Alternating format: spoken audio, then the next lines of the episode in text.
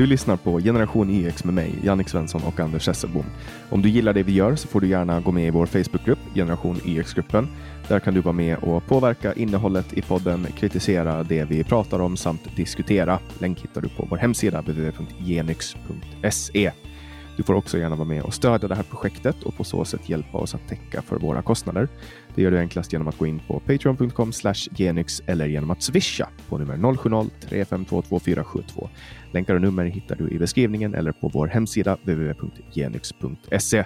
Vi släpper nya avsnitt alla fredagar året runt, eller hur Anders? Ja, det gör vi. Hej Annik. Hej! Och till er som lyssnar så kan jag säga att vi kommer att gå ut med en intervju med eh, Magnus Norman där vi ska prata om kollektivism. Så vi inleder väl med att spyga på allt som har hänt under veckan som vanligt, eller? Ja, det kan vi väl göra. Och det, det jag tänker först av allt som, som händer nu, förutom att Sverige misslyckas med att vaccinera folk i takt eh, för att hinna bygga upp någon form av immunitet. Var inte det, det Pfizers fel eller?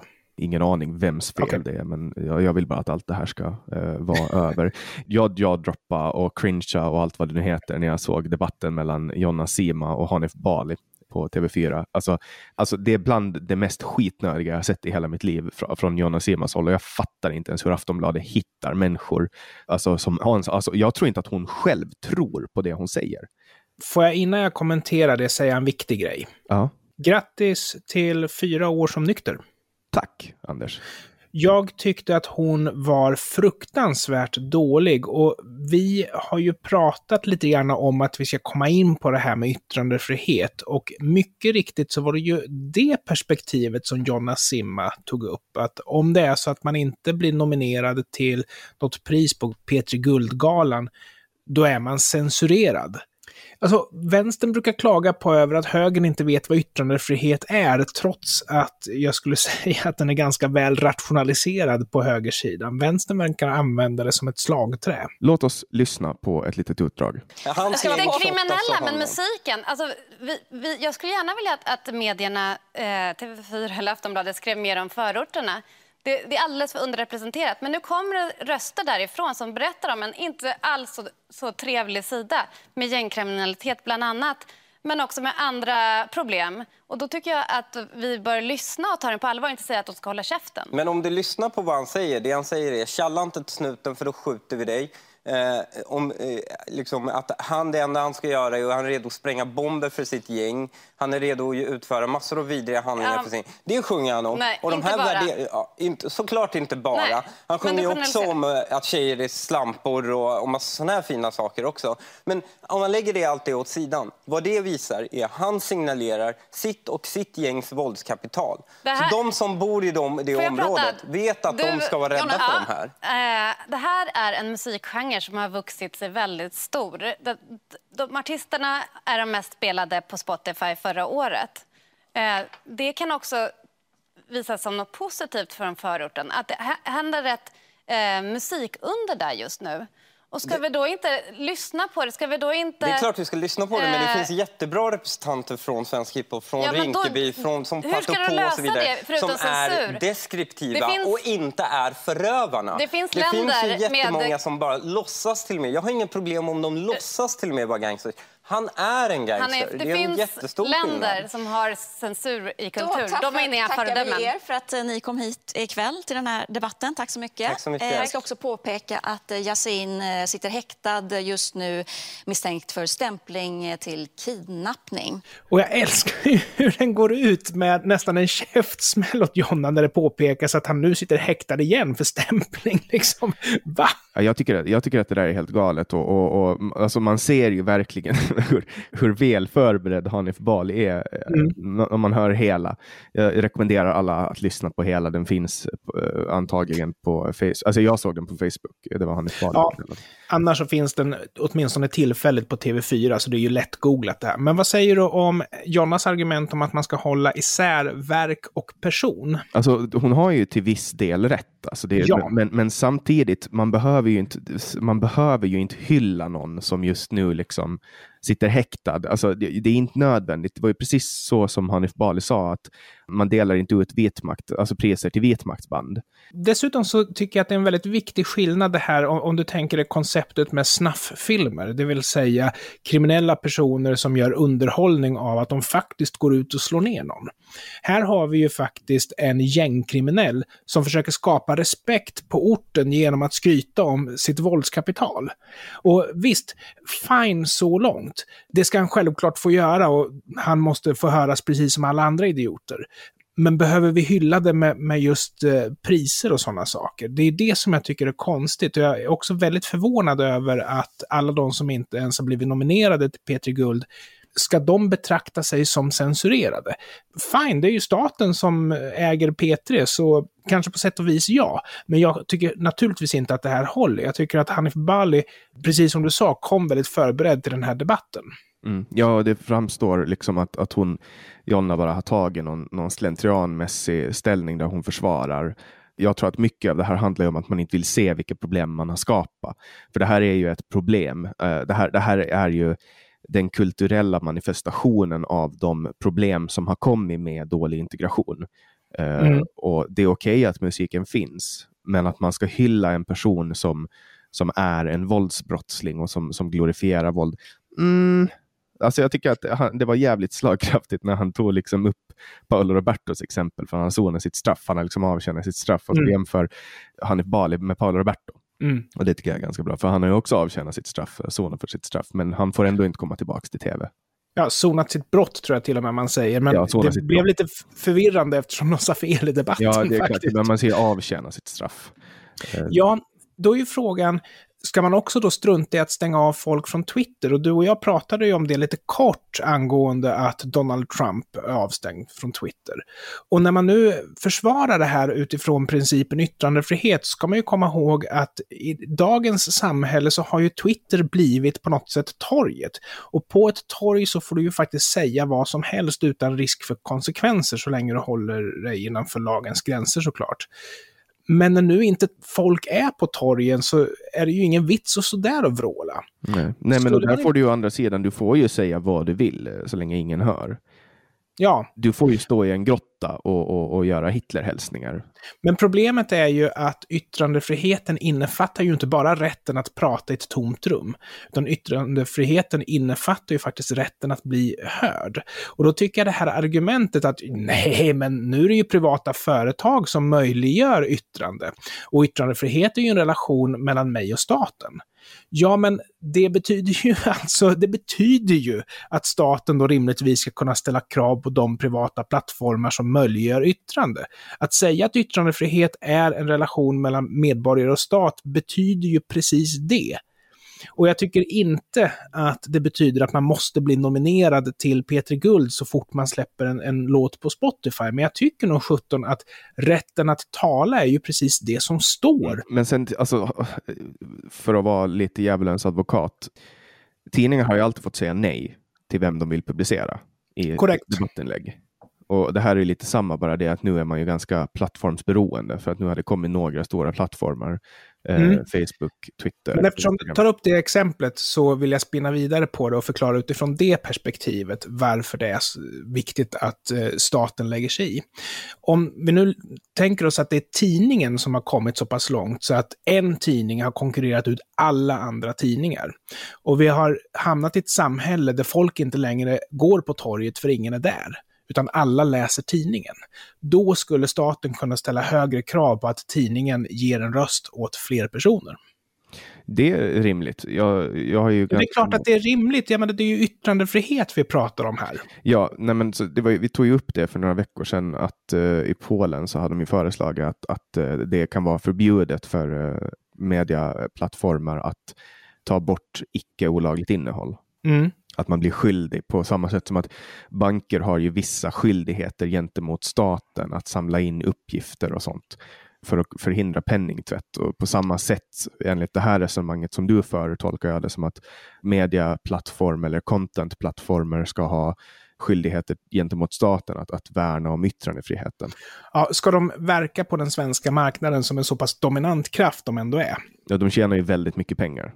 Mm, då måste staten kunna ställa motkrav. Mm, och väldigt och, lite av de pengarna hamnar ju sist och slutligen i Sverige. Ja, och jag skulle ju också säga att Eh, det där i Polen känner jag inte till detaljerna för, men bara på det du säger nu så låter det rimligt. Att om det är så att någonting bryter emot svensk lag så får man ta bort det. Om någonting, men om någonting inte gör det så skulle de nästan vara skyldiga att ha det kvar omarkerat på grund av att de har den viktiga, den framträdande rollen som de har. Så jag tycker att det var fel av Jonna Simma att ta upp censur här, därför att censur är ju när du berövas din yttrandefrihet, det vill säga rätten att tala, rätten att höra göras och utan risk för konsekvenser. Det, det sjuka här är ju att det är så sjukt många som håller med Jonna Sema. Alltså för att, alltså, det är så precis som Hanif Bali säger, att tänk om det där skulle vara en nazist som blev bortplockad. Det framkom att en person som har blivit nominerad till P3 Guld är nazist. Ingen skulle gråta över att han eller hon eller hen blev alltså bortplockad från P3 Guld. Ja, eller inte nominerad räcker väl att säga. Ja, men nu blev han ju nominerad och sen blev han häktad. Men säg mm. att någon, säg att, att någon nu, en artist nu skulle bli häktad för någon form av uh, hets mot folkgrupp då, för att han har deltagit i en nazistdemonstration och heilat på gatan. Mm. Ingen skulle ifrågasätta att han plockar, alltså att man drog tillbaks nomineringen. Nej, och det konstiga här är att vi pratar om den här artisten som faktiskt är en gängmedlem. Så det är ju liksom streetversionen av nazism vi pratar om här. Det vill säga våldskapitalet ska bestämma och eh, respekt genom att skryta om det här våldskapitalet och att faktiskt ja, driva in skulder och att använda musik för att sprida sin ideologi. Alltså jag vet inte om ja. det är en ideologi, men det är alla fall ett levnadssätt att, att du höjer ditt våldskapital och, och liksom förhärligar våld och berättar hur, hur man ska liksom mm. döda de som pratar med polisen och så vidare. Men apropå Aftonbladet, Jonas Simma jobbar, jobbar väl där va? Ja. Och han, Anders Lindberg, han drog paralleller till eh, W.A.S.P. och Sivert Öholm på 80-talet. För Sivert Öholm ville ju inte att barn skulle lyssna på W.A.S.P. För att de var farliga och de hade liksom rått kött på scen och sådär. Och det där skulle man ju nästan ta på allvar, det där argumentet, och försöka utveckla det. Och dessutom är det ju så att en av medlemmarna i W.A.S.P. är ju en före detta kåkfarare. Så det betyder att det fanns kriminalitet i bandet. Men, men då å andra sidan, vad är det de marknadsför? Det, det de marknadsför är ju betydligt mer teatralt. Och dessutom, när de inte är i studion så går de ju inte ut på stan och förnedringsrånar småbarn. Hade W.A.S.P. gjort det så är jag övertygad om... Som... Eller kidnappar folk. Och hade W.A.S.P. gjort det så är jag övertygad om att det hade varit problematiskt. Och jag vet också att vi hade en ganska seriös diskussion om det här med Kiss logotyp på 70-talet.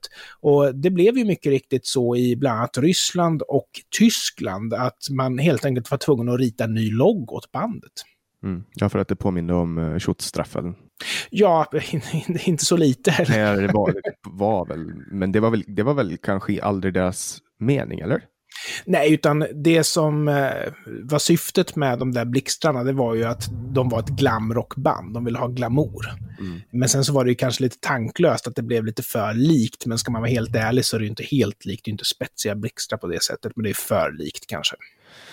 Ja, jag kollar på bilder nu som jämför och, och, jag tycker mig inte riktigt se. Alltså de är ju, det är ju snedda, alltså, det är sådär man ritar en blixt. Ja. Jag har faktiskt aldrig reflekterat över att de påminner om Nej, och sen så finns det ingenting av nazistpropaganda i Kiss-musik och dessutom när de inte spelar så går de ju inte ut och heilar och trakasserar judar. Så ja, de är väl judar dessutom. Ja, jag tror att Gene Simmons är jude. ja, Paul Stanley också. Eller ja, Paul Eisen heter han ju på riktigt. Ja. Ja, men då, då tummen ner till både Anders Lindberg och Jonna Simma och eh, hatten av Hanif Bali som kommer förberedd till en intervju, eller debatt. Ja, eh, han, han, är, en, han är en skarp debattör. Det måste jag säga. Och, och, det var ju lite, jag tänkte på det att jag tänkte i vilket jävla underläge hon var i. Alltså, eh, hon, hon ställer ja. sig mot en extremt rutinerad politiker och går in. Liksom. Jag, om jag ska vara i henne så skulle jag skulle inte ha tagit den här debatten. För att, ja. Men samtidigt så får du komma ihåg att många ansåg att de vann debatten också. Jag kan inte se hur man kan tänka det efter att ha sett den här debatten, för det var det som ni ungdomar brukar kalla för cringe. Hon var så dålig så att man skruvade på sig, skulle ju vi gamla säga, men cringe säger väl ni unga. Jag alltså, jag är inte så ung. Vad tror du att jag är 14 eller? ja, men typ. Det där är så konstigt. Alltså, du tror ju att jag håller på och flossar på TikTok. Det är exakt så jag uppfattar dig i huvudet, ja. jag förstår mig inte på dig ibland. Det är Nej, så men, jävla eh, konstigt. Ungdom som ungdom. Nåväl, apropå nazism så var det ju minnesdagen för förintelsen häromdagen och eh, Sofia Jarl som är ordförande för Centerkvinnorna, hon eh, firade det genom att passa på att skriva en debattartikel där hon ja, helt enkelt tog godhetssignalerandet till en ny nivå genom att ta avstamp i just förintelsen och marknadsförde sin politik jag var faktiskt glad över att det blev ett bakslag även inom Centerpartiet för detta. För annars kan man ju tycka att Centern kunde vara lite grann som vänstern. Att vilken galenskap som helst, bara syftet är att marknadsföra vänstern, så kommer ju vänstern säga att det är felfritt och det är perfekt. Men tydligen så funkar inte centerpartister så, utan de skruvade faktiskt på sig för det här jag tänker att det här är lite typiskt centerpartister, att man kan inte riktigt förnuftmässigt förstå förintelsen, men bara vet att den har hänt och att den var någonting dåligt. Och då är den liksom inte värd så mycket mer än en språngbräda till att göra sina egna poänger. Och det blir ju lite grann att man reducerar det till Goodwins lag, alltså att förr eller senare kommer någon hänvisa till nazismen. Och anledningen till att man såklart inte ska göra det utan goda skäl är ju just det att man inte ska förminska den. Sen finns det ju goda, kan det ju finnas goda skäl att faktiskt prata om nazismen i debatt. Och då finns det ju alltid något smart där som säger, ah, Goodwins lag. Men det här skulle jag snarare säga var dåligt gjort. Men bra att folk reagerar. Ja. En annan sak som jag tycker är jävligt äcklig är just det här på förintelsen, min, Förintelsens minnesdag. Det här, det här är någonting som podcasten Haveristerna har pratat mycket om. Det är alltså Linnea Claesson. Mm.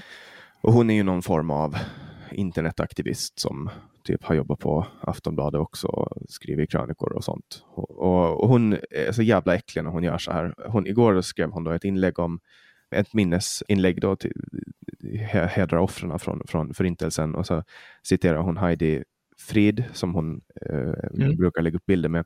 Och sen skriver hon här under, och det här är så jävla äckligt. Heidi hälsar till er, eller Heidi, jag vet inte hur man uttalar det tyska namnet. Jag tycker att det, och, och Heidi Frid, det var en, en, dam som överlevde förintelsen. mm. Jag tycker det är fint att ni brukar skicka tillbaka kärlek och support till henne. Skriv så vidarebefordrar jag ert stöd. Och Det här är så jävla äckligt, att hon rider mm. på en förintelseöverlevare för att få interaktion på sina ja. Instagram-inlägg för att få mera spridning. Jag tycker det där är så jävla äckligt. Att, att man tar en, en gammal kvinna som överlevde förintelsen och använder henne för att sprida sina inlägg. Alltså det är bara så... Oh. Men hon har ju verkligen blivit ett slagträ i sven svensk debatt. Och eh, just nu så vet jag att det är väldigt många som är fruktansvärt upprörda på eh, Kristersson och Moderaterna. För att han har pratat om med henne och, och tagit ställning mot nazism. Och samtidigt är beredd att eh, ta makten om det är så att eh, Sverigedemokraterna röstar på Moderaterna som regeringsalternativ. Det som jag tycker är, man ska komma ihåg här, det är ju att eh, Sverigedemokraterna får ett minimalt inflytande över makten bara genom att rösta på högern. Och skulle de inte rösta på högern så skulle de rösta på vänstern. Då skulle det ju vara vänstern som samarbetade med Sverigedemokraterna och vänstern som kommer till makten med deras hjälp. Vilket för övrigt har skett det senaste valet eh, i samarbete med Vänsterpartiet. Det vill säga att Vänsterpartiet ansåg att Socialdemokraterna var det bästa regeringsalternativet och röstade på dem. Mm. Jag, som regeringsbildare. Jag tänker på det här med, med att det var en uppmärksammad grej då som uh, Ulf Kristersson gjorde inför valet då, där han stod och pratade med Heidi Frid om att han... Det är bra att han är antinazist. Ja, men att han sa typ att han aldrig skulle samarbeta med Sverigedemokrat. Han lovade henne och så gjorde tidningen mm. en så här stor grej, så här löftet till Heidi. Säger jag rätt? Är det Heidi eller Heidi? Jag skulle nog säga Heidi. Heidi. Ja, för att det är tyska. Jag vet inte, det är lite oklart det här med, med tyska, men skitsamma. Nu använder vänstern det här emot honom för att han på något sätt har öppnat upp för att, att kunna diskutera Sverigedemokraterna med Sverigedemokraterna. Mm. Eh, och, och det, det kan är... ju hända att eh, Sverigedemokraterna ställer krav på Moderaterna för att rösta på deras regeringsalternativ. Men samtidigt är det ju så att vad ska Socialdemokraterna göra om M och SD inte kommer överens och SD röstar på dem? Ska de avgå då eller? Ja, jag, jag vet inte, det är så oklart också det här med att Annie Lööf var med i Anders Holmbergs det här debattprogrammet och, och, och konstaterade där att om, om Liberalerna sänker januariöverenskommelsen så kan det bli ett nyval eller mm. ett extraval. Varför kan man inte bara bilda en ny regering, tänker jag. Ja, men vi får väl se. Det har varit mycket snack och liten verkstad där, hör du. Varför, varför liksom har... dra ett, ett val nu under coronatid? Dra in, dra in Sverige i ett val när man, när man, man kan väl bilda en ny regering istället som har, det har ju varit ett val liksom. Ja, alltså man kan ju använda de mandaten, men var det inte ganska många vändor hos talmannen innan vi fick den regering vi har, så det kanske inte går att bilda ett nytt val med det, de mandaten att, Det var ju för att ingen eh, hade med Sverigedemokraterna i diskussionen. Nu utgår jag ifrån att, att, eh, att Kristersson, eh, som han har sagt då, tycker att Sverigedemokraterna har ändrat på sig och visat att de är ett seriöst parti. Ja, men det betyder ju inte att han är beredd att samarbeta med dem på det sättet, att sätta dem i en borgerlig regering. Det skulle Nej, han, han aldrig göra. Dem i regering, men på samma sätt som januariöverenskommelsen har stödpartier, alltså ja, Centern, ja. Liberalerna, då, alltså, på samma sätt som, som den minoritetsregeringen regerar så kan ju en minoritetsregering regera med Sverigedemokraternas stöd. Eh, det, ja. kan, det kan man ju inte göra någonting åt om det blir så, i och med att det är ju en del av den demokratiska processen. Det är ju fullt gångbart rent legitimt. Sen får man ju fråga om det är moraliskt rätt eller om det är schysst mot väljarna eller vad, vad det nu är. Och man kan tycka vad man vill om konstellationen. Mm. Jag tycker inte att jag ser någon konflikt mellan att få stöd av Sverigedemokraterna för att bilda regering och att vara nazist. Jag ser ingen koppling där. Jag ursäkta lyssnare den är inte heller solklar för mig. Alltså, den här regeringen eh, som sitter nu har stöd av Vänsterpartiet, men de är inte kommunister för det. Nej, det är lite grann det som jag menar, att eh, Vänsterpartiet släppte fram dem. Vänsterpartiet stöttar dem i brist på bättre alternativ, men det betyder inte att nuvarande regering är kommunister. Nej, jag håller med. Jag tycker den kopplingen är vag också. Det tror jag vänstern själva tycker, för jag tror inte många inom till exempel Centerpartiet, Folkpartiet identifierar sig själva som kommunister. För att de släpper fram en regering som också är framsläppt av vänstern. Liksom. Mm.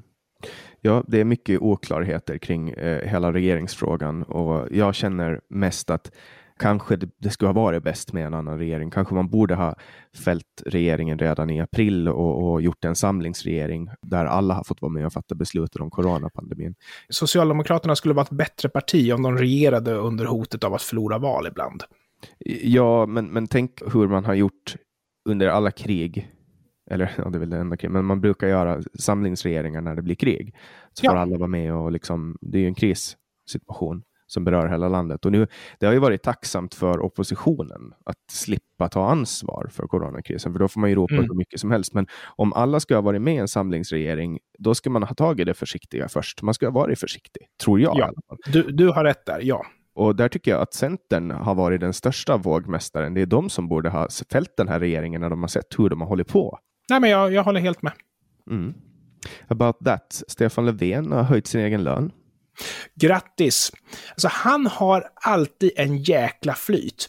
Det säger inte jättekonstigt. Jag menar, de eh, höjer lönen enligt inflationen ungefär, vilket eh, när man har väldigt hög lön är ganska mycket pengar. Speciellt med tanke på att i dessa tider så är det definitivt inte alla som kan följa inflationen. Men det som jag reagerade på var att arvodesnämndens ordförande tycker att det är rimligt att statsråden har rimliga löner. Och när jag hörde det så tänkte jag, vad då ska de sänka statsrådens löner? Nej, de ska höja dem. Jag tänker, ju på, jag tänker ju på alla gånger Socialdemokrater har klagat på vdrs löner, att, de, att man klarar mm. sig. Jag tror ju att Stefan Löfven skulle klara sig utan 180 000. Jag tror han skulle klara sig på 60 000 i månaden. Kanske ja. till och med 40. Jag tror att han skulle klara sig till och med på 40 eftersom han bor gratis och reser gratis. Du vet, dödliga människor måste ju betala för bostad och sånt där skit. Mm. Ja, han bor ju fint också. Han bor ju utsikt över Kungliga slottet. Inte illa. Nej. Grattis Stefan Löfven till de extra 4 000 kronorna i månaden. Jag ja. hoppas att du kan sätta undan lite till dina barn. Ja, eller kanske, eller kanske köpa en ny klocka så han slipper reparera ja. en gammal. Han kan beställa den online. Mm. Eh, Ja, nej men jag, jag, tycker inte att det här är en bra tidpunkt att höja regeringens löner. Det är signalpolitik, det är det som är problemet. De skulle ha kunnat gjort en justering av lönerna neråt i sympati för att eh, statens pengar inte räcker till krispaket till alla som behöver. Eh, exakt. Sen såg jag också att det var någon idrottare, en kvinna, som hade fått sparken för att hon hade poserat topless. I ett herrmagasin tror jag till och med det var, men jag är osäker där. Men jag vad, jobbar, snabb... vad jobbar hon med då? Hon var ordförande i någon cykelklubb, tror jag det var. Okej. Okay. Och jag gjorde en snabb googling på det där och jag får ju massor med träffar från lärare, tjänstemän, olika personer kvinnor framför allt, som har fått sparken för att de har poserat topless. Jag trodde att man var ganska avslappnad kring eh, nakenhet nu för tiden. Liksom, en kvinna med bara överkropp skulle inte vara så jäkla hotfull längre, men där är vi inte alltså. Nej, det där, det där tycker jag är konstigt. Eh, du som är så ung. Ja. När jag växte upp så var ju kvinnobröst ganska avdramatiserade på 80-talet, åtminstone i Sverige och i Norge och sådär. Därför att man såg dem överallt. Räckte att åka och bada eller något sånt där. Men hur är det idag? Är det, eftersom det nu inte längre är så att det är allmänt okej okay att bada topless, är det så att man är mer liksom uptight när det gäller kvinnokroppen idag? Eller? Alltså bara på den tid som jag har växt upp, alltså de senaste mm. tio åren, jag är 27 nu, eh, och, eller de senaste 15 åren kan jag säga, så har det ändrats ganska mycket. Som till exempel när jag var, när jag var ett barn, alltså gick i högstadiet, mm då fanns eh, Lunarstorm och Bilddagboken och eh, mm. Skunk och sådana saker, alltså så internetforum eh, med bilder som man delar. Och då var det alltså bikinibilder. Då hade, mm. Man hade liksom inte med rumpan, rumpan var täckt. Alltså bilder ja, ja. på string eh, var, eh, det var väldigt intimt. Det var ingenting man gjorde, men idag så, så är det väldigt vanligt att tjejer poserar i string på stranden till exempel. Och det är en mm. förändring som har skett nu bara de här 15 åren som jag kan minnas. Och det är lite samma med bröst där också. Alltså, förut så, så klassades det som lite, eh, man skulle inte visa, alltså man skulle inte få se konturerna av bröstvårtorna. Det var lite för intimt. Ja. Eh, men det har också börjat suddas bort så att det blir mera eh, accepterat och okej okay att, att, att göra det. det. det. är min analys, men, men jag har ju bara de här, jag har ju bara 20 år som referens. Liksom. Ja, alltså, och när jag växte upp så var liksom inte bröst en kapitalvara alls. Och jag tror att det är kanske det lite grann som har hänt, att eh, man ska kunna visa upp dem i ett speciellt situation där man har kontroll på situationen. Man går liksom inte bara topless på stranden längre utan vidare. Det förekommer ju såklart fortfarande, men i betydligt eh, lägre Jag tror att man kan få böter för det. Inte på allmän strand, men däremot så vet jag att badhus får sätta upp sina egna regler. Va? Men däremot så är det ju så att det är inte många som gör det på en strand. Liksom. Mm. Men det är fullt, eh, fullt lagligt. Och jag tror att, att kvinnokroppen har blivit en kapitalvara idag. Jag tänker på det som Hanif Bali kallade för blatte-Twitter.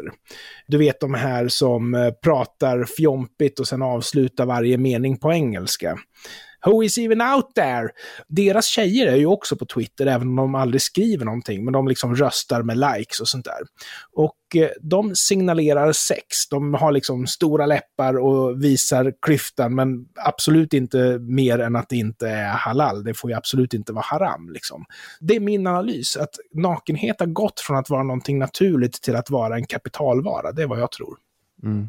Och nu har vi ju kommit till stunden där vi ska prata med, eller du har pratat med en gäst som heter Magnus Norman och som finns på Twitter under användarnamnet Real Magnifik, Real Magnifik.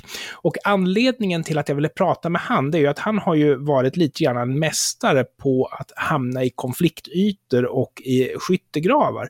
Och jag tyckte då det skulle vara intressant att just prata om kollektivism med honom och jag känner efter att ha pratat med honom att vi har skrapat lite grann på ytan här, men det är nog så intressant ändå. Så här lät det när vi pratade. Välkommen till Generation YX, Magnus Norman. Ja, hej, tack. Du finns på Twitter. Jajamensan, jag heter Real Magnifik där. Det stavas som det låter, Mange FIK. Får jag bara fråga, ditt konto är privat ibland, men det är det inte nu va? Eh, just nu är det öppet för ja. allmän beskådan, haveriet. Så, om folk inte sköter sig, då blir det nedlåst igen kan man säga. Ja, alltså jag är ju tvungen att göra det ibland. Jag är inte så där jättepopulär vid alla tillfällen. så att... Ja, får vi kanske se varför nu när du och jag ska prata i några minuter här. Kollektivism. Ja, det är en faslig sak om man säger så. Det, Definiera ja. det först.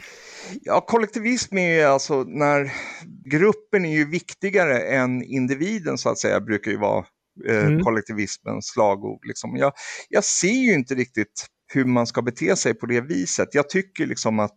Håller du med om att gruppen är viktigare än individen?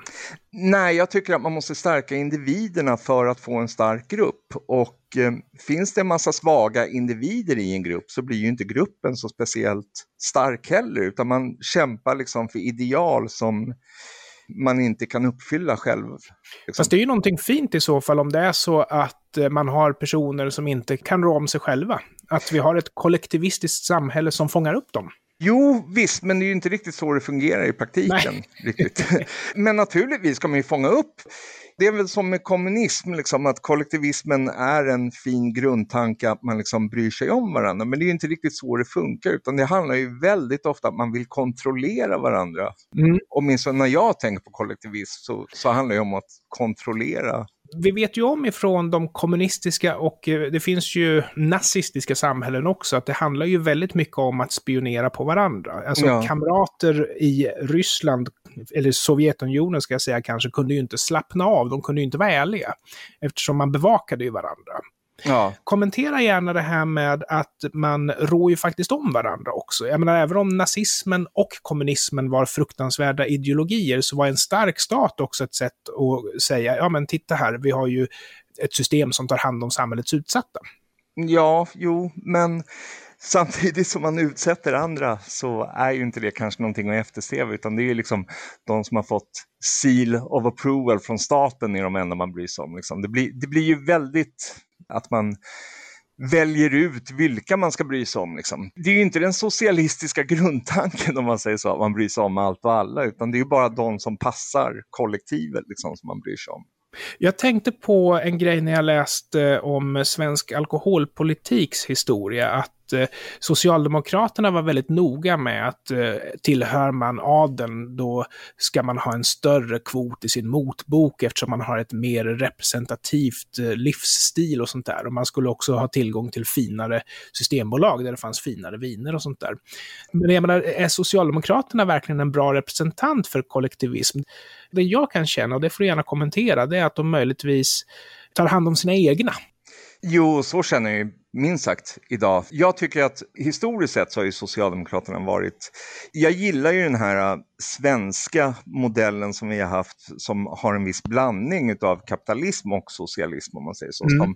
och jag tycker ju faktiskt att det här med folkhemmet, det var ju en bra sak som Socialdemokraterna genomförde. Men samtidigt har vi det här svågerpolitiken och det här fjäskandet för andra. Liksom. Alltså de upprätthåller ju helt klart ett klassamhälle. Liksom. Det är ju bara att kolla på Göran Persson exempelvis. Liksom, och... Att avkriminalisera den fria marknaden, det var ju någonting som verkligen lyfte Sveriges välstånd något enormt. Mm. Som skedde i slutet på 1800-talet och något sånt där. Och sen dess har det ju varit väldigt bra, en bra balans mellan socialism och marknadsliberalism. Då. Men å andra sidan, för min del skulle jag gärna se mer marknadsliberalism. Jag tycker att staten är en för stor börda på våra axlar idag. Och jag vet att många som försvarar försvarar en stark stat, de pekar just på att en liten del av skattepengarna faktiskt går till välfärdssamhället. Och det på något sätt skulle legitimera ett enormt högt skattetryck där pengar går till allt möjligt. Ja, alltså staten är ju inte sådär jättelämpad att ta hand om saker och ting. De är ju ganska inkompetenta, även om jag tycker att viktiga samhällsfunktioner ska ju staten stå för, liksom som vi kan ju nämna exempelvis vården, där faktiskt inte ens Socialdemokraterna eller vänstern vill att den ska förstatligas, liksom, vilket var en chock för mig när jag upptäckte det. Utan de, en, de enda partier som vill förstatliga vården exempelvis är ju SD och KD och så börjar väl Moderaterna att luta sig åt den delen då. Liksom. Men, men nu snöade vi in på det. Men, men det finns ja. ju, jag tycker att de här viktiga samhällsfunktionerna ska ju staten stå för, men de ska ju absolut inte förstöra konkurrens inom andra marknader liksom, eller inom andra branscher. Liksom. Företagande är ju nog så viktigt och även det här med att en människa måste ju liksom få visa sig bättre, eller inte bättre så, men kunna vara strävsam och ja, det måste gynna att man faktiskt vill bidra till samhället. Exakt så, precis. Att... Men när det gäller den här råa kapitalismen så kan man väl tycka att staten borde ha satt ner foten. Ett jättebra exempel är att eh, Facebook äger Instagram och bara Facebook har väl snart 3 miljarder användare. Och sen så har vi en stat som säger ja men de har rätt att stänga av användare och sånt där. Och jag tror att det kan vara lite grann ett led i det här att staten är till för nästan alla, inte de som är oönskade. Den där diskussionen som har varit nyligen om exempelvis Trump, ja, sen såg mm. jag att även AFA Stockholm har fått sitt konto nedstängt på Twitter mm. och då, ja, då kommer kritiken från ett annat håll. Men, men det är liksom en metadiskussion, för den diskussion som först och främst bör tas är att vissa företag, det här har jag faktiskt sett dig skriva lite grann om också, att vissa företag får en alldeles för allmännyttig status, liksom, om man säger så. Det, ja. det blir, så att diskussionen måste tas först om det går att reglera på något sätt. Att det, blir, det är liksom mänsklig rättighet är väl att ta i, men exempelvis telefon har ju alla rätt till. Liksom. Det får man inte mm. liksom, påverka hur som helst. Och som post är också en sån här rättighet som man inte får påverka hur som helst. Liksom. Nej, men jag eh. tycker att det du säger nu, jag vill komma in lite grann på det här på A och B-människor. Där, därför mm. att om det är så att ett telefonbolag skulle bli jättedominant och få för sig att stänga av folk, nej du får inte använda telefon och du får inte använda telefon, mm. så skulle vi liksom vi skulle inte tillåta det, vi skulle ställa krav. Men jag tror att anledningen till att vi inte är så noga med att ställa krav på till exempel Twitter, att inte de stänger av användare, har att göra med att Twitter bidrar ju inte bara till att folk ska kunna kommunicera med varandra, det bidrar ju till en allmän röst åt den som är medlem på plattformen. Och då helt plötsligt blir det så att vissa tycker det är dåligt att man stänger av Trump, andra tycker att det är dåligt att man stänger av AFA. Man kan liksom inte längre vara principiell, utan man måste vara pragmatisk. Ja, men Trump var ju dum, så han uppviglade och det var bra att han försvann. Man kan liksom inte vara principiell, utan man går över till sin egen pragmatism. Jo, men så är det ju. Alltså, jag tycker ju själv att det... jag jublade jag väl åt här. Jag tyckte att det var jätteskönt när Trump blev avstängd, men som sagt, re, rent principiellt så är det en helt annan diskussion som måste tas. Det blir lite grann, lite som vilda västern det här med sociala medier. Och det, det är ju felaktigt kan jag tycka faktiskt. Liksom. Principer gäller ju inte liksom. det här som du har tagit upp, den ena sidan blir jättesura när Trump eh, försvinner och sen blir de jätteglada när AFA Stockholm försvinner också. Liksom. Men ändå har de ju brutit mot samma regler. Liksom. Och det, det där måste ju på något sätt regleras. Kan du inte säga någonting om, om jag säger till exempel att ett extremt individualistiskt samhälle, tänk dig Folkpartiets, för, ursäkta, Liberalernas eh, drömsamhälle för några år sedan, där alla personer står i sin fulla frihet att göra vad de vill så länge det inte skadar någon annan. Men man kan ändå ha en fungerande sjukvård och en fungerande välfärd. Det är bara det att staten lägger sig inte i en massa annat, utan den sysslar med sin kärnverksamhet och vi har låg skatt det drabbar ju ingen fattig. Det är väl snarare tvärtom att eh, skatt drabbar ju fattiga primärt.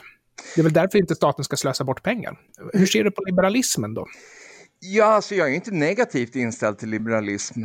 Eh, det kan jag inte säga att jag är. Liksom. Det, det är en jättefin tanke. Liksom. Det, det, är väl lite grann åt det hållet som jag vill se ett samhälle. Liksom. Ja, fast tänk om någon då skriver massa provokativa saker på Twitter och sen så har du folk som läser det här och blir genuint ledsna eller upprörda. Eller som jag tror att vi har sett i vissa fall, skrämda över att sanningen kommer fram, för det förekommer ju det också. Ja, usch ja. Jo, nej men alltså man får ju ta den diskussionen. Folk måste ju lära sig ja, nu är inte jag en posterboy för liksom, respektfulla diskussioner alltid, men jag vill ju gärna se det som att blir jag attackerad så attackerar jag tillbaka om man säger så. Möts jag med respekt så är jag respektfull tillbaka ser jag det som lite grann. Mm. Men, men det är ju, det blir en så förljugen bild väldigt ofta från vissa grupperingar på sociala medier. Liksom. Och det här har jag sett själv. Jag har ju varit vän med flera av de här grupperingarna. Liksom. Och det går inte ens att diskutera inom gruppen liksom, om saker när de häver ur sig lögner. Liksom, för det, Liksom... Försök att definiera en gruppering. Jag har en väldigt vag bild av det där och jag kan ju se själv hur jag hamnar i, vilket jag försöker undvika, bubblor där. Till exempel när jag kritiserar regeringen, då blir jag helt plötsligt bästa kompis med väldigt många andra som av skäl som kanske inte alls liknar mina inte heller gillar regeringen. Men ja. hur skulle du definiera en sån här bubbla? Är det en politisk gemenskap eller? Det jag pratar om här har ju varit en politisk gemenskap om man säger så. Jag har ju gjort misstaget och trott att det här var ju liksom folk som man var lite vän med, liksom, eller tvän som man kallar det, eftersom det, det är till stor del folk som man aldrig har träffat. Liksom. Men att det fanns att de här gemenskaperna grundar sig på vänskap på något sätt. Fast så. det är väl Facebook du tänker på då? Twitter är ju någonting som grundar sig i samtal och debatt. Är det ja, inte så? det förstod inte jag från början då i så fall. Men, men visst, visst, är det ju så. Men, men det har ju varit liksom att man har ju tyckt att man varit kompis med vissa och pratat med dem. Och, och, så kanske man har sagt någonting som inte har passat dem och då är man plötsligt utesluten ur gemenskaper och man är helt plötsligt nazist och sd och sådana saker. Liksom. Det är ganska absurt. Jag tror att det finns vissa, alltså jag var inne lite grann på det när jag, i huvudet när jag sa det här att vissa blir kränkta över att få höra sanningar. Mm. Och det finns ju, ju längre ut på kanterna du kommer i det politiska landskapet, vänstersidan och högersidan, så finns det ju vissa faktum som helt enkelt är kränkande. Absolut. Och det, är, det är därför väldigt många har alternativa fakta. Och ett jättebra exempel är ju Systembolagets historia om varför de behövs, bygger ju på alternativa fakta. Den forskning som man lutar sig på är ju köpt av Systembolaget för att komma fram till en förutbestämd slutsats. Mm. Ja, jag, jag, är inte så jätteinövad på just Systembolaget, men det är, det Nej, jag tar det som exempel, som, jag har det ja, färskt Jo, jag förstår. Men, men, det är väl lite grann samma sak som det här med narkotikapolitiken. Nu är ja. jag definitivt inte drogliberal, men det är det är ändå en lite förljugen bild liksom som kanske inte liksom grundar sig i verkligheten. Nej, men det är ett jättebra exempel. Vi har ju våran kära landsortstidning där vi har en eh, ledarskribent som tycker att eh, tvångsomhändertagande är lösningen på alla problem och som kallar alltifrån en lättöl uppåt för dödsknark. Liksom. Så det, det, är klart att eh, det är också ett bra exempel, att man, man har liksom sina egna fakta som passar in i den världsbilden man har i övrigt. Man är liksom inte så tänjbar och har sällan förmåga att backa och säga, men vänta här, det kanske är bättre om vi sänker skatterna lite, ja, men det kanske är bättre om vi avreglerar förstörelsespel eller vad det nu kan vara för någonting. Jag håller ju med. Jag har ju själv de tankarna nu för tiden. Liksom. Alltså skatten är ju för hög och de är för inkompetenta, de som bestämmer var skattemedlen ska gå och sånt. Så det... det... finns en programmerare som heter John Carmack. Han belyste en punkt och det var att staten hjälper ju gärna till, men ibland hjälper ju staten till på kanske inte det bästa sättet. Och ytterligare ibland så kanske staten hjälper till på det sämsta och mest ineffektiva tänkbara sättet. Men den försäkringen att få just den hjälpen som staten erbjuder är obligatorisk. En slutsats som som jag drar av det, det är att man ska se till att staten kan hjälpa till där det är viktigt att det är just staten som hjälper till, så att ingen lämnas utanför. Men att vi, har, vi gör för mycket inom staten. Och det är konstigt, som du själv sa, att inte sjukvården är en av de grejerna som staten faktiskt sysslar med. Ja, eller hur. Så vad är lösningen då? Ja du, den som ändå hade hela lösningen. Man får ju så jäkla mycket kritik när man säger saker och ting. Men det, du nämnde just det här med staten om hur de, ja, med John Carmack som jag faktiskt känner till, en av grundarna av ja. ID Software. Eh, ja, vad du kan. Ja, gammalt Quake-fan. Vet du. Jag känner till det här mest för att min vän Claes namedroppar väldigt mycket. Han skickar texter och då läser jag dem då. Okay. Ja, förlåt att jag avbröt dig. Nej, men det är ingen fara. Staten kanske måste vara så Naturligtvis måste de ju vara principfasta, men det finns ju vissa frågor som staten måste inse att de faktiskt inte har riktig koll på. Man får liksom nu ska väl inte jag föreslå att de ska tillsätta en utredning om saker och ting, för det, det görs ju till förbannelse. Men, men alltså utveckling går ju framåt och det här som du nämnde, det här med alkoholpolitik och liksom tvångsomhänderta människor. Liksom. Även psykologi går ju framåt och sådär. Liksom. Jag, ty mm. jag tycker det finns ju så många frågor, speciellt om psykiatri och liksom missbrukarvård, där de faktiskt skjuter sig själva i foten för det här med exempelvis de som har dubbel problematik, de som har både mm. missbruk och eh, ja, lider av psykisk ohälsa, de får ju verkligen inte den hjälp som de behöver för att det Psykvården tycker liksom att ja, har du missbruk då hjälper vi inte dig. Liksom. Det är ju som galenskap medan missbruksvården säger liksom att jaha men du lider av psykisk ohälsa, ja, då får du ingen hjälp av oss. Liksom. Det... det blir nästan ett straff för den situationen man sitter i. Ja, de skjuter sig ju själva i foten för de säger att de ska mm. hjälpa, men det blir ingen hjälp helt enkelt. Liksom. Min lösning på polariseringen skulle vara att eh, ha tätare maktskifte. Eh, jag tror att Socialdemokraterna behöver bli duktigare på att förlora val. Och Absolut. om det är så att de regerar under hotet att förlora makten så tror jag att de skulle vara ett bättre parti även för sina sympatisörer. Det låter ju intressant. Alltså, det är en välgrundad tanke faktiskt. För att det är ju faktiskt så att de nu gör ju alla partier det, säkra den egna makten, men Socialdemokraterna är ju exceptionella på det. Liksom. De är dessutom väldigt skickliga på det, för de har ju lyckats väldigt bra. Det var väl rätt lång tid in på 1900-talet innan valen var någonting annat än skenval i Sverige. Liksom. Ja, jo. Första valförlusten tog tid, om man säger så. Ja, nej, de, de har ju haft en ganska stor majoritet hela tiden. Liksom. Men det där håller ju på att ändras nu och då vacklar de och försöker liksom komma med valfläsk som de egentligen struntar i helt och hållet. Men... Och med hot om hur hemskt det ska bli om Moderaterna griper makten. Ja, nej det är, det är helt sanslöst. Alltså grejen är den där polariseringen mellan sossarna och Moderaterna. Det är inte så stor skillnad på de två partierna nej. egentligen. Och jag kommer ihåg när man var liten, då skillnaden var liksom, det gällde skatten, sen gällde det inget mer. Men nu nej. är det liksom nu gäller det allt egentligen. Man säger att ja, Moderaterna är rasister och sånt där. Liksom. Alltså det, det... Jag har väldigt svårt att se någonting rasistiskt i Moderaternas historia eller i det de förespråkar, nämligen marknadsliberalism och hög individuell frihet. Jag skulle ju säga att eh, nazismen var en rasistisk ideologi och att den vilade väldigt tungt i kollektivismen och just att staten la sig i vem som var god och vem som var ond. Ja, jo, men så... Judarna var då onda, så att säga. Jo, men så är det ju.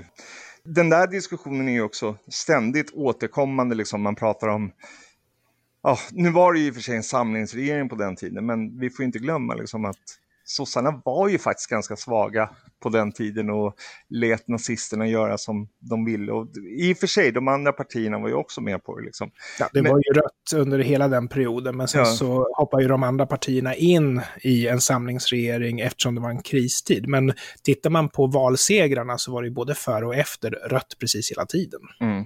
Ja, det är ju, Aron Flam har ju skrivit väldigt mycket om det där i sin bok eh, Det här är en svensk tiger. Liksom. Det, den är ju väldigt intressant att läsa. Jag har ju bara hört den när han har läst upp den i sin podd. Men allt i den boken betraktas ju som lögn från vänstersidan, från sossarna och neråt. Liksom. Tror du att det är så, att de betraktar det som lögn? Absolut, det vet jag. Det, vet, det är jättemånga som säger det. De påstår att det är lögn och det snällaste någon har sagt är väl att det är så hårdvinklat att man inte tar upp alla faktorer, liksom, som, eller liksom alla omständigheter. Men det, grejen är att Flam vill ju visa på en sak.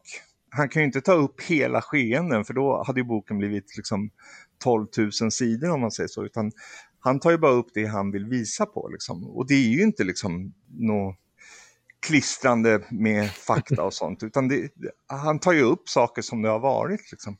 Ja, vi kommer få anledning att återkomma till det här. Vi har ju några ämnen som säkerligen kommer vara intressant att gräva i, så vi får se om vi får tillfälle att prata mer.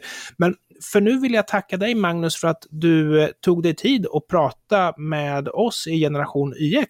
Ja, nej men jättetrevligt. Det finns mer att ta av, om man säger så. Det finns Lego och prata lite mer faktiskt. Tack Magnus, mycket uppskattat. Och sen före vi avslutar för dagen så ska vi också prata lite om ditt eh, nya projekt kan man väl säga. Ja, det är ju så här att jag har teamat ihop med Henrik Andersson och det är ju han som jag har gjort den här podcasten Sturet Gods med. Sista avsnittet kommer på söndag beroende på när ni lyssnar, såklart. Men vi har startat en ny YouTube-serie där vi tittar på obskyr film, alltså B-film från primärt 80-talet, som vi sen recenserar och tipsar om. Så dels så får ni höra vad vi tycker om filmen och dels så kommer ni att kunna få tips om film som ni garanterat har glömt bort eller kanske inte ens sett. En stor källa till glädje, så sök på YouTube efter Flimmer Duo. Mm. Om ni är eh, äldre och har eh, väldigt specifika intressen så rekommenderar jag den här, eh, eller nischade intressen ska jag säga. ja, men vad kul. Du har lyssnat på Generation IX med mig, Jannik Svensson och Anders Hesselbom. Och du som lyssnar får gärna stödja det här projektet och det kan du göra på patreon.com genyx eller genom att swisha till nummer 070 352 2472. Du hittar de här länkarna i beskrivningen till det här avsnittet eller genom att gå in på vår hemsida www.genyx.se. Och sen får du också väldigt gärna gå med i vår Facebookgrupp Generation YX-gruppen. Tack för idag Anders. Tack så mycket. Hej då.